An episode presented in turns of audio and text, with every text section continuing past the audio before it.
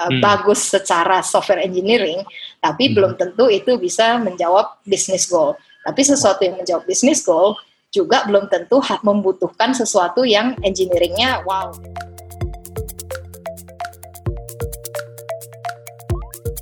Selamat datang kembali di ceritanya Developer Podcast bersama saya Riza. Dan di podcast ini, kita akan mendengarkan cerita dari developer, programmer, software engineer keren tentang masa lalu, masa kini, dan masa depan mereka. Tentang bagaimana mereka memulai karir sebagai developer. Dan kita juga akan mengorek-ngorek cerita tentang komputer pertama mereka, pengalaman ngoding pertama, pekerjaan pertama, hingga hal-hal random lainnya. Podcast ini diedit dan diproduksi oleh Deep Tech Foundation, sebuah lembaga non-profit yang mempunyai misi yaitu menyetarakan talenta digital di seluruh Indonesia. Dan sekarang kita sudah bersama Teresia Tansil, uh, Solution Architect, Team Lead dari Scraping Hub. Uh, halo Teresia, atau Tere, bisa dipanggil Tere. Gimana iya. kabarnya? Baik mas, iya panggil Tere aja. Hmm, oke okay, oke. Okay. Uh, eh, kita langsung mulai aja. Uh, mau cerita-cerita tentang pengalaman Tere, uh, apa ya berkarir di dunia development. Jadi boleh ceritain nggak pertama kali bersentuhan dengan komputer itu kapan gitu? Hmm, jadi pertama kali punya komputer itu sebenarnya SMA. Iya, SMA itu tahun sebelum tahun 2000 lah. Terus uh, itu awalnya cuma pengen tahu aja kayaknya komputer ini menarik gitu kan. Waktu itu belum ada internet, jadi pertama kali punya komputer cuma kayak buka PowerPoint yang uh, beli beli CD CD bajakan dari Mangga Dua terus diinstal gitu kan Norton lah segala macam. Jadi uh, mulai dari situ dikutek-kutek tapi boring sih waktu itu karena merasanya oh ternyata komputer tuh gini aja ya nggak nggak nggak ada belum belum kayak belum muncul minatnya tapi begitu tahun 2000 itu mulai ada Telkomnet instan terus pasang internet kan. Udah gitu waktu itu bodoh lagi. Merasanya tuh oh mikir kalau kita buka website, oke okay, kita connect ke modem itu, terus kita buka website uh, di Amerika, mikirnya tuh interlokal. Jadi mikirnya oh ini dalam satu menit udah ngabisin berapa duit nih, terus nggak berani lama-lama kan, on banget lah waktu itu. Terus akhirnya baru tahu oh mulai belajar di internet, kayak uh, mulai browsing dan lain-lain, terus di situ jadi oh belajar HTML, bikin website. Waktu itu baca detektif Conan kan terus mulai kayak bikin fan website belajar HTML belajar waktu itu belum ada CSS terus pakai ya. front page. Jadi uh, dari situ sih. Dari situ baru uh, tertarik gitu ya? Iya baru tertarik. Uh, terus uh, belajar programmingnya sendiri ya tadi mulainya dengan uh, front page tadi kan HTML kalau belajar programming sendiri kapan? Kalau programmingnya itu jadi uh, saat yang hampir bersamaan uh, di mulai beli buku tuh di Gramet kan ada buku pertama tuh aku inget banget Phoebe Phoebe 6 step by step gitu ada CD-nya gitu kan terus uh, dicoba-coba uh, beli CD pokoknya dicoba-coba sendiri uh, terus bisa tuh bikin kayak Hello World-nya ada bikin button bisa ada trigger event segala macam terus eh kok kayak seru ya kayak bisa bikin sesuatu yang dari out of nothing gitu jadi sesuatu terus uh, dari situ mulai sebelum mulai kuliah juga beli buku C terus nyoba-nyoba sendiri latihan-latihan di situ. Jadi dari situ sih. Hmm, dari SMA berarti ya, dari SMA ya. Hmm, hmm, hmm.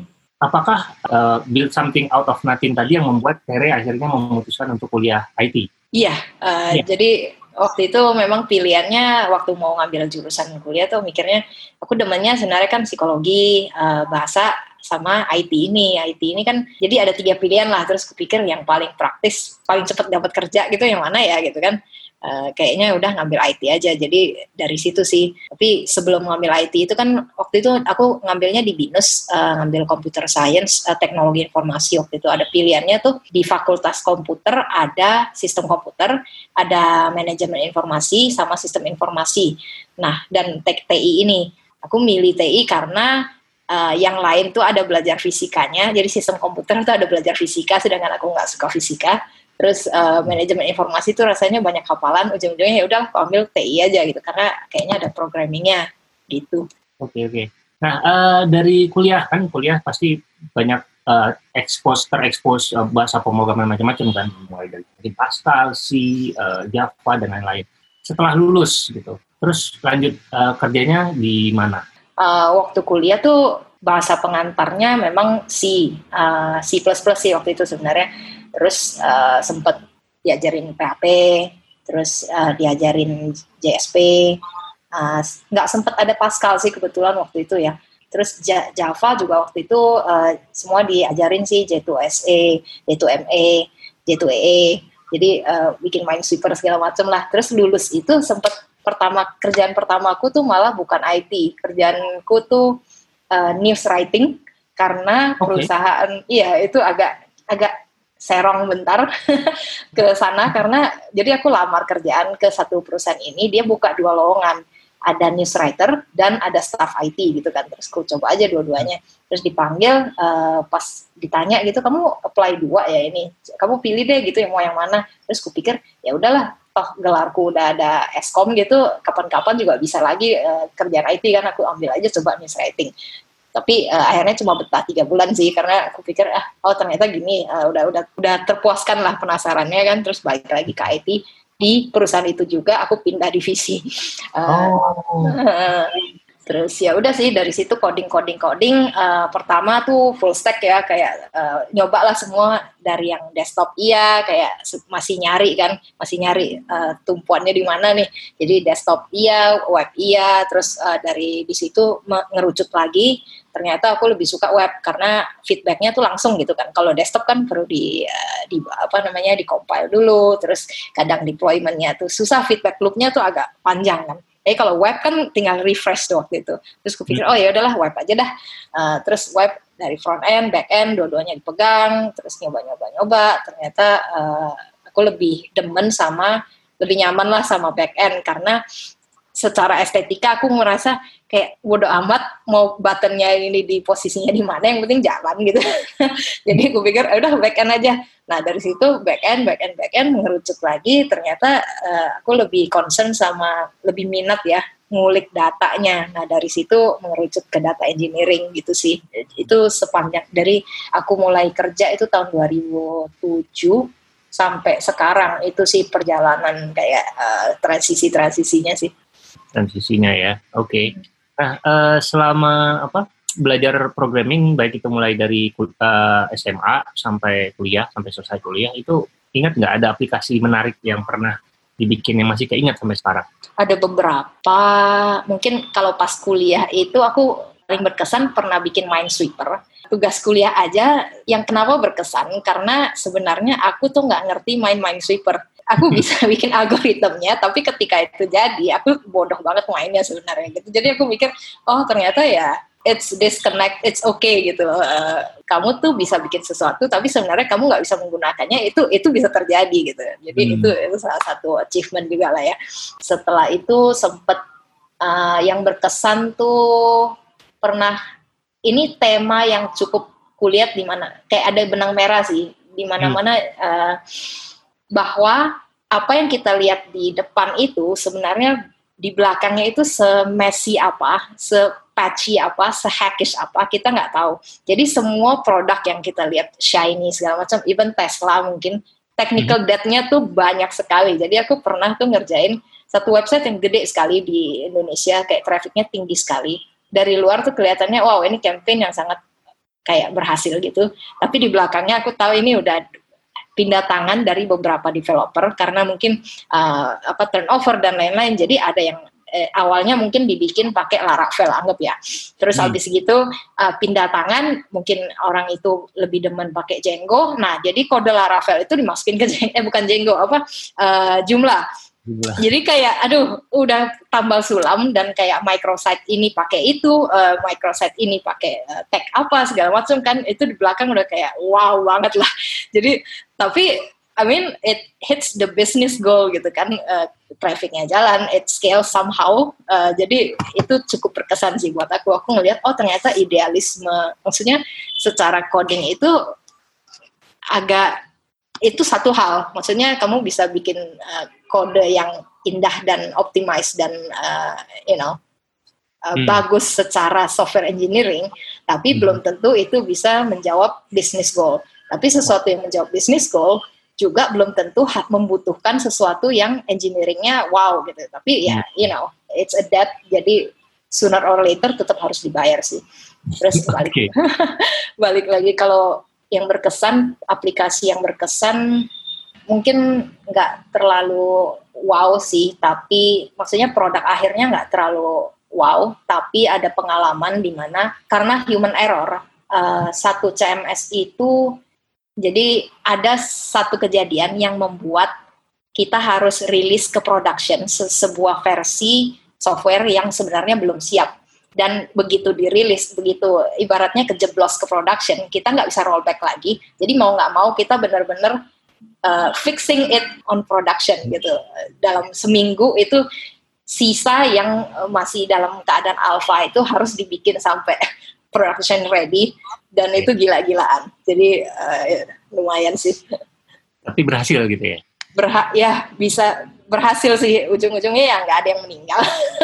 Mungkin mungkin saya bertambah uban aja. Ini berhasil sih berhasil. Kayak nggak ada klien yang tiba-tiba lalu memutuskan kontrak dan lain-lain gitu. Okay. dan semua feature yang direncanakan pun bisa diimplementasikan gitu. Tapi itu hmm. kayak di situ aku belajar nggak banyak. Aku di di pengalaman itu tidak belajar hal-hal teknis. Tapi aku belajar ketika kepepet ternyata yang selama ini maksimal kita itu baru 40% ternyata ketika kamu kepepet kamu bisa keluar 200% lagi gitu. Seru ya. Nah, tapi ada beberapa momen-momen yang menarik gitu ya. Nah, ada nggak sih momen yang uh, agak sedikit atau yang sangat memalukan sepanjang karir sebagai developer gitu? Pernah ngedrop database di production. Oh iya, wah gimana itu ceritanya? Wah gila, itu jadi biasa lah pakai PHP MyAdmin terus hmm. ada dua versi gitu kan. Hmm. terus uh, sore-sore gitu kan ngantuk kali atau gimana. Pokoknya ada dua tab dua browser tab. Terus hmm. ya udah itu lagi nggak tahu ngapain waktu itu. Pokoknya ada lagi trangket-trangket table lah. Terus tahu-tahu nyadar lah ini yang barusan ku trangket itu yang, yang mana terus jeng gitu kan terus tiba-tiba itu pas di kantor tuh eh, kan eh, pekerjaan waktu itu juga remote. Jadi kebetulan hari itu aku lagi di kantor. Jadi hmm. somehow di kantor malah blunder gitu kan di rumah nggak apa-apa gitu. But hmm. anyway begitu aku nyadar itu perangkat kok kayaknya nggak bener nih ah, ini barusan apaan gitu baru sadar gitu. Terus anak-anak operational pada nanya gitu eh CMS kok kosong ya? Gitu kan. Damn. Udah kayak itu langsung mimpi buruk banget sih karena waktu itu pun uh, backup belum ada uh, eh, SOP untuk backup yang proper. Hmm. Jadi okay. backup yang kita punya itu udah dua bulan yang umurnya tuh udah dua bulan sebelumnya. Jadi uh. lumayan sih, uh, ya. Yeah. Berarti nggak bisa di recovery secara full dong, ujung-ujungnya? Nggak bisa. Nggak bisa ya.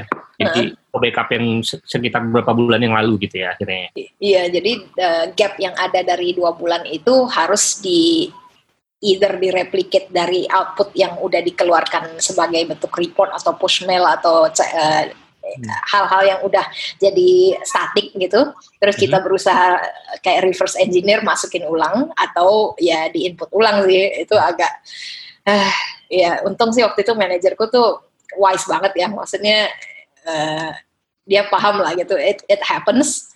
Dan ya di situ mulai jadi belajar oh ternyata backup itu penting dan bukan cuma nge-backup tapi harus verify backupmu itu benar-benar bisa di restore apa enggak gitu kan.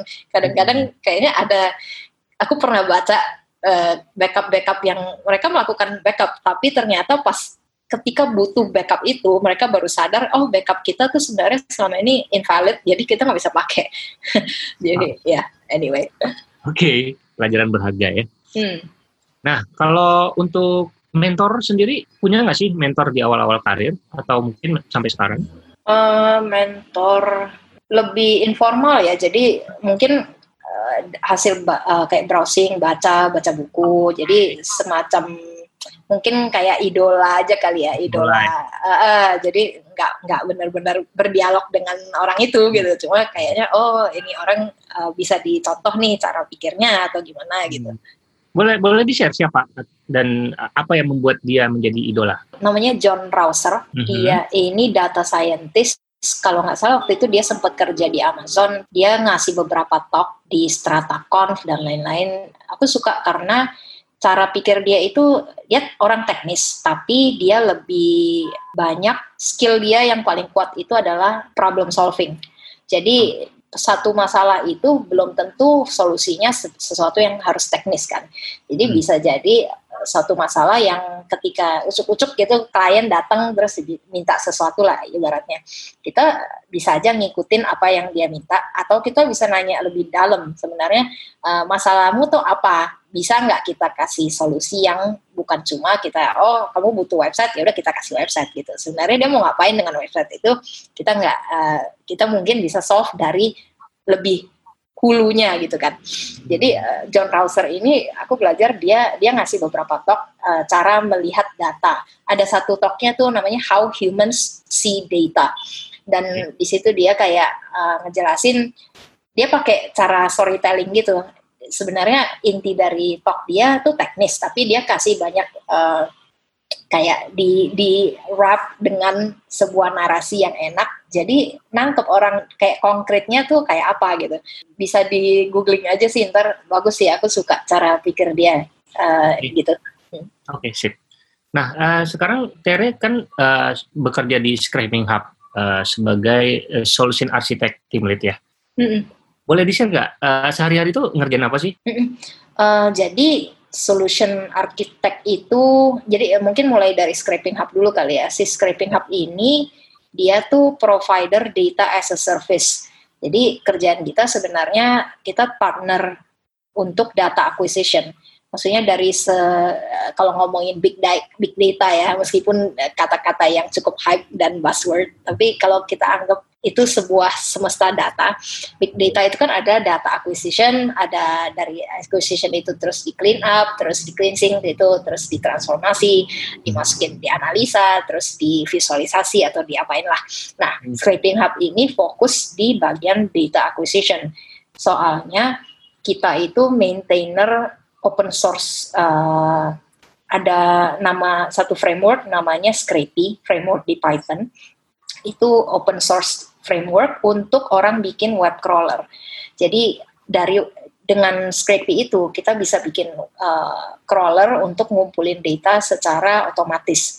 Nah, Scraping Hub ini uh, kayak ibaratnya Red Hat kan uh, awalnya sebuah project open source yang dikomersialin uh, di mana value added-nya itu kita bikin kita kasih custom uh, soft custom crawler development, kita nyediain tool-tool untuk data acquisition, misalnya ada proxy rotator, ada tempat untuk nge-host crawler-crawlernya, ada headless browser juga yang uh, kita open source kan, jadi lebih konsulta consulting lah ya. Jadi Scraping Hub itu itu yang di, ditawarkan memberikan orang uh, konkretnya misalnya ada orang butuh data semua produk dari sebuah e-commerce lah siapa gitulah uh, website e-commerce mana pun Misalnya mereka butuh semua data produk masker misalnya sekarang. Dia mau ngumpulin semua data seller yang uh, menjual masker sekarang dengan kriteria tertentu misalnya. Mungkin interface dari e-commerce itu bisa kita pakai search-nya bisa mungkin ada angle-angle tertentu cara filtering data yang kita nggak bisa dapatkan dari cuma disupport oleh interface itu. Jadi kita mesti crawling semua webnya. Eh, bisa aja sih kayak kita copy paste, kita browsing satu-satu kita copy paste ke Excel dan lain-lain. Tapi yang dilakukan oleh Scrapy ini adalah dia otomatis uh, masuk ke website-website, terus kita nge-crawl HTML-nya, terus diparsing, jadilah sebuah either anggaplah outputnya adalah sebuah Excel yang isinya satu juta data produk gitu. Nah itu itu kerjaan Scraping Hub uh, jasa untuk membuat crawlernya. Hmm. Nah di situ solution architect ini timnya sendiri uh, solution architect sebenarnya pre-sales ya kalau istilah umumnya mungkin technical pre-sales. Jadi orang-orang kan bisa request ke Scraping Hub, eh tolong dong gitu, uh, eh, gue butuh data dari website ini, gue butuh fieldnya ini ini ini, uh, butuh nge-crawlnya sehari sekali atau sebulan sekali atau whatever lah. Nah itu masuk ke tim sales kan. Nah tim sales itu akan ngarahin ke tim solution architect ini untuk bikin estimasi, bikin uh, bukan cuma quotation sih. Jadi kita mesti ngecek tim solution architect ini mesti ngecek uh, request ini sebenarnya visible apa enggak. Kalau ada orang yang datang ke kita terus bilang, tolong dong gue mau crawl Amazon gitu, uh, seluruh isi Amazon tiap hari gue mau dapet fitnya gitu. Secara logika, apakah itu bahkan mungkin gitu kan? Jadi uh, tim solution architect ini harus benar-benar mikirin pertama can we do it eh, kedua should we do it should we do it ini karena kadang-kadang ada beberapa use case yang tidak legal Misalnya uh, jelas-jelas websitenya udah menuliskan kalau menggunakan website ini Anda setuju dengan term and require term and um, condition. Uh -uh. Dan di situ term and conditionnya panjang gitu. Uh, secara legal kalau ada yang mencantumkan kayak uh, you know nggak boleh bot atau automatic gitu. Nah itu kita nggak nggak boleh. Jadi should we-nya nggak udah kecoreng gitu. Jadi can hmm. we, should we, and how, what does it take for us to do it? as in uh, kita butuh berapa engineering days, kita butuh infrastruktur seperti apa. Jadi kita bikin semacam scope dari situ dan kita kasih quotationnya. Ini kan Tere udah cukup lama ya uh, menekuni dunia programming kan dari SMA tadi ya sekitar tahun 2000-an gitu kan.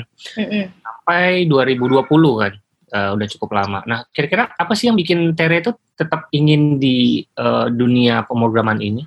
soalnya mungkin menarik ya kayak gimana pun tetap ada sisi uh, kayak kalau ditelusurin kan awalnya tuh aku cuma penasaran dengan how kan how things work gitu yes. uh, pokoknya semua pengen tahu dikulik gitu pengen oh ini website ini kok keren ya gitu. Dia pakai apa sih? gitu. Belakangnya dilihat view source gitu segala macam yeah. terus reka-reka segala macam nah dari situ how udah ngulik-ngulik berapa tahun uh, terus merasa oh dari situ berasa mulai mempertanyakan emang kenapa kalau misalnya kayak teknologi baru itu kita harus nyobain kita harus make. Emang sebenarnya why-nya tuh apa gitu? Jadi dari how puas-puas agak kayak lima tahun kali ya lima tahun awal tuh masih gila-gilanya kayak wah semua teknologi kayak uh, haus banget lah ya semua dicoba.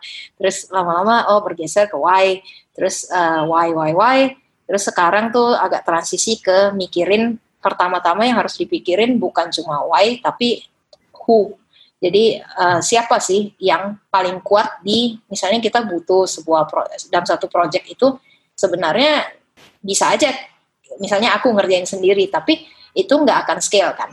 Jadi harus ngelihat uh, teknik-teknik apa yang bukan teknik sih apa ya lebih thinking lebih strategis aja uh, komponen dari satu sistem itu siapa yang paling kuat untuk ngerjain apa gitu. Jadi di situ kenapa tetap aku masih kayak passionate soalnya berubah terus sih dan tetap nggak ada habisnya sih.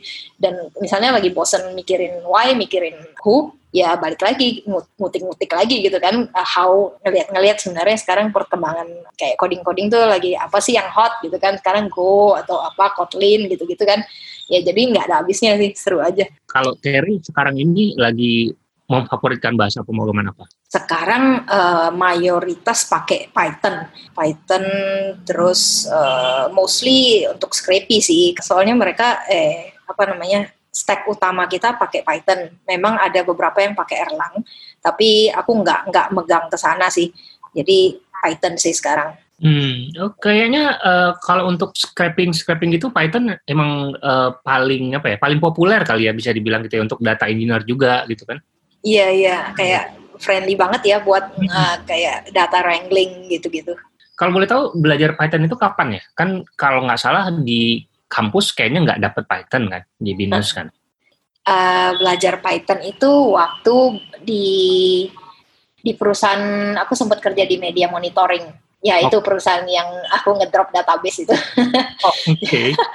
jadi uh, di situ sih karena uh, waktu itu kan media monitoring itu jadi kita memonitor semua dari media cetak, media TV, oh, media radio dan obviously ada media online juga kan. Jadi kita hmm. harus monitor semua media kayak uh, misalnya siapa ya uh, Eh, perusahaan ini dimention di Kompas hari ini gitu kan. Okay. harus cepet-cepet kita report ke perusahaan itu oh kamu tuh PR-nya seperti ini loh di Kompas hari ini atau whatever lah gitu kan.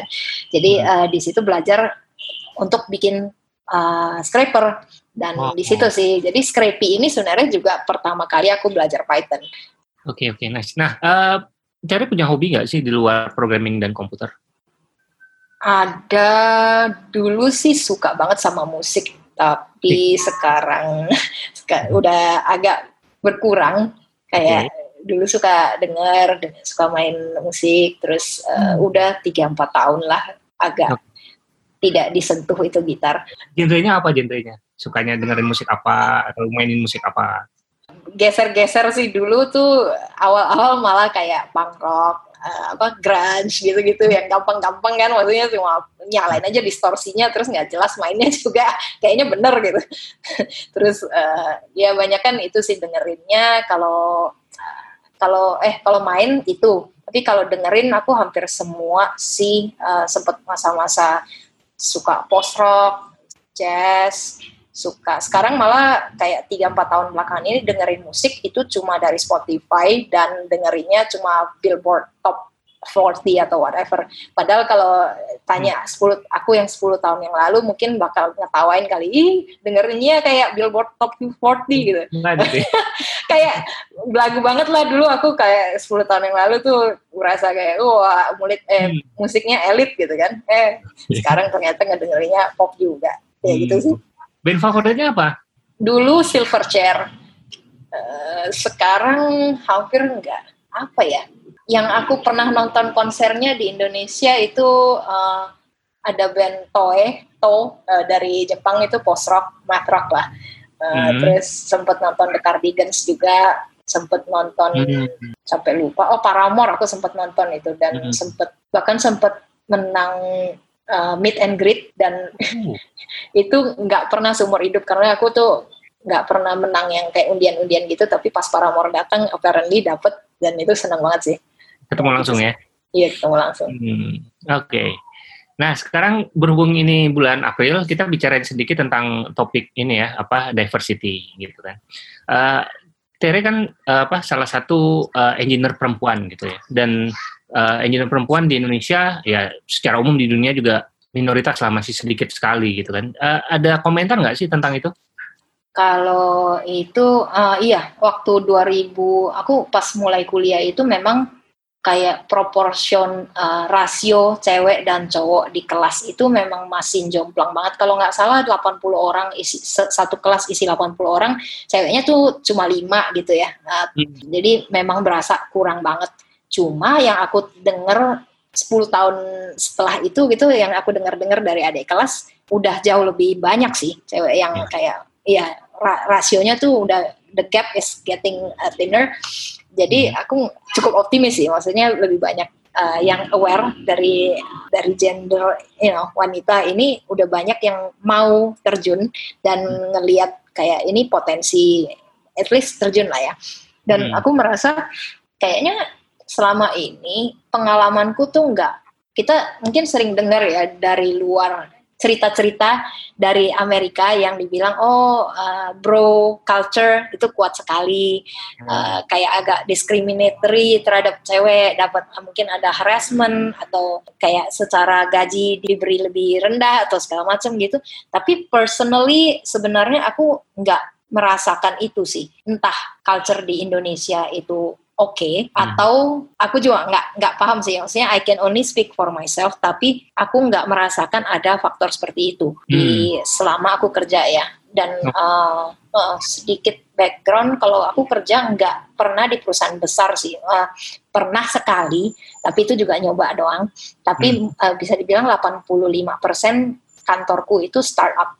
Maybe it uh, it's a factor gitu sih mas. Hmm.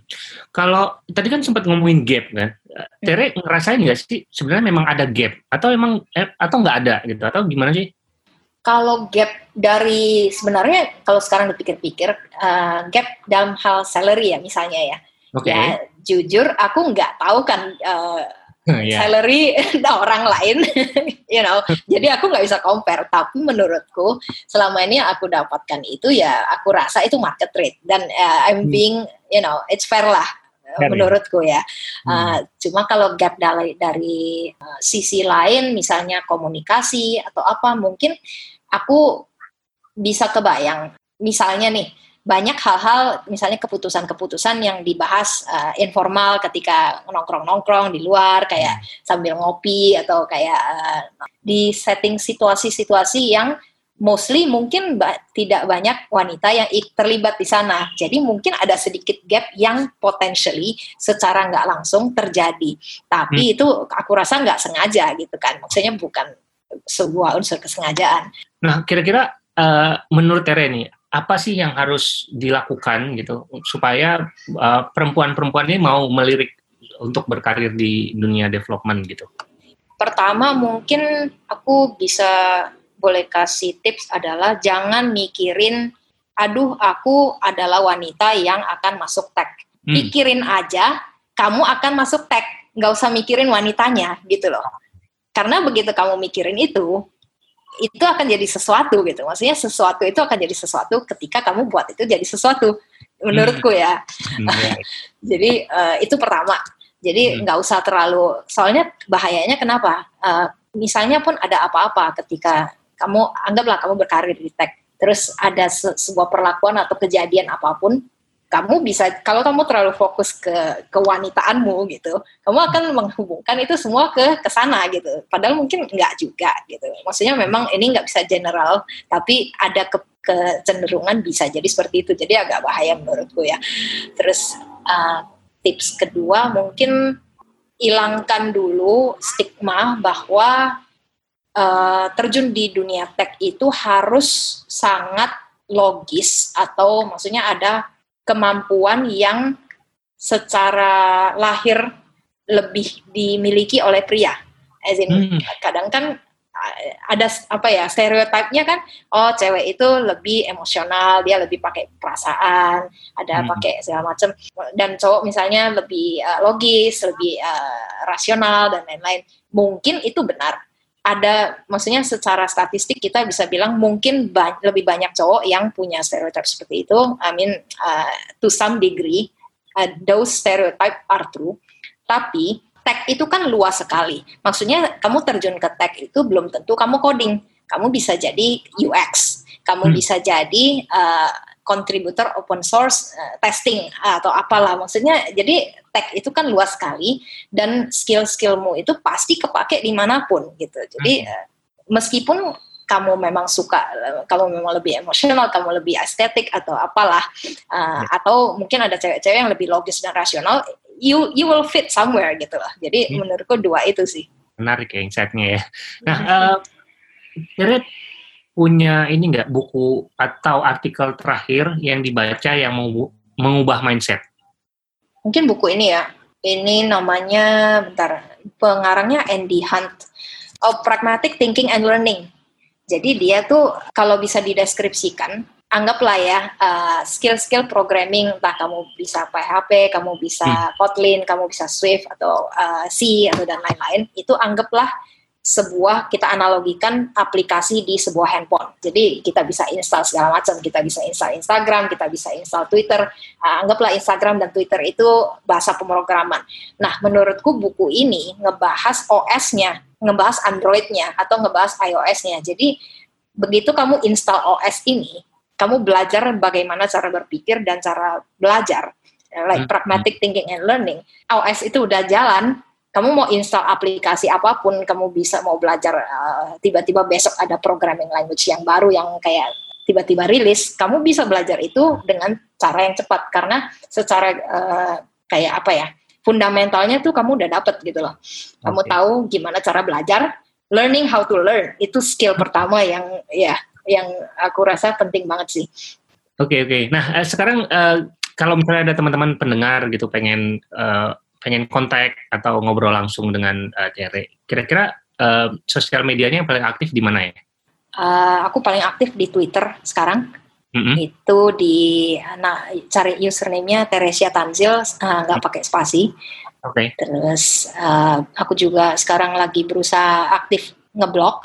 Itu uh, ngeblog di websitenya di proses.id prosesnya bahasa Indonesia proses.id. Jadi mm-hmm. aku berusaha ngisi di situ sih uh, belajar nulis aja sebenarnya karena uh, menurutku dengan nulis itu kita belajar nu- mikir. Maksudnya apa yang kita sebenarnya di kepala itu belum terlalu jelas begitu kita berusaha oke okay, aku mau nulis tentang ini yaitu proses nulis dan ngegeser kalimat dan lain-lain itu di situ kita jadi clarify our thoughts gitu. Jadi uh, blognya sekarang sih kebanyakan malah agak-agak kayak berfilosofi gitu mas. Okay.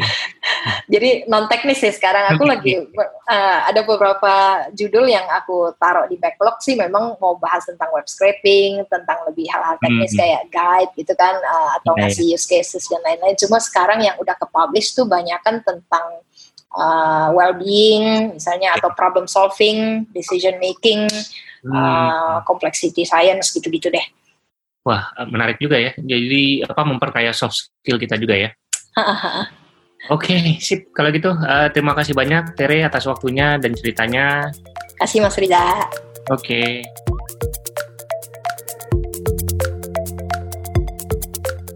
Itu dia episode ceritanya Developer Podcast kali ini. Nantikan episode-episode ceritanya Developer Podcast selanjutnya. Kritik, saran, atau sekedar hai, silakan email ke rizafahmi@gmail.com atau mention rizafahmi22 di Twitter. Sertakan juga hashtag ceritanya developer. Dan buat teman-teman yang mau support podcast ini agar terus ada, bisa dengan cara subscribe ke iTunes atau Spotify. Search aja ceritanya developer, terus langsung subscribe dan kasih rating serta komentar. Bisa juga subscribe ke podcast klien pilihan seperti Pocket Cast, Anchor FM, Google Podcast, dan masih banyak yang lainnya. Jangan lupa tinggalkan juga komentar atau review di sana. Selain support dalam bentuk rating, saya juga mengharapkan teman-teman untuk support podcast ini dalam bentuk lain. Teman-teman bisa mendonasikan sebagian uangnya untuk keperluan podcast ini. Teman-teman bisa donasi lewat GoPay atau OVO via karyakarsa.com slash rizafami. Sekali lagi, karyakarsa.com slash rizafahmi. Sampai bertemu di episode berikutnya. Bye.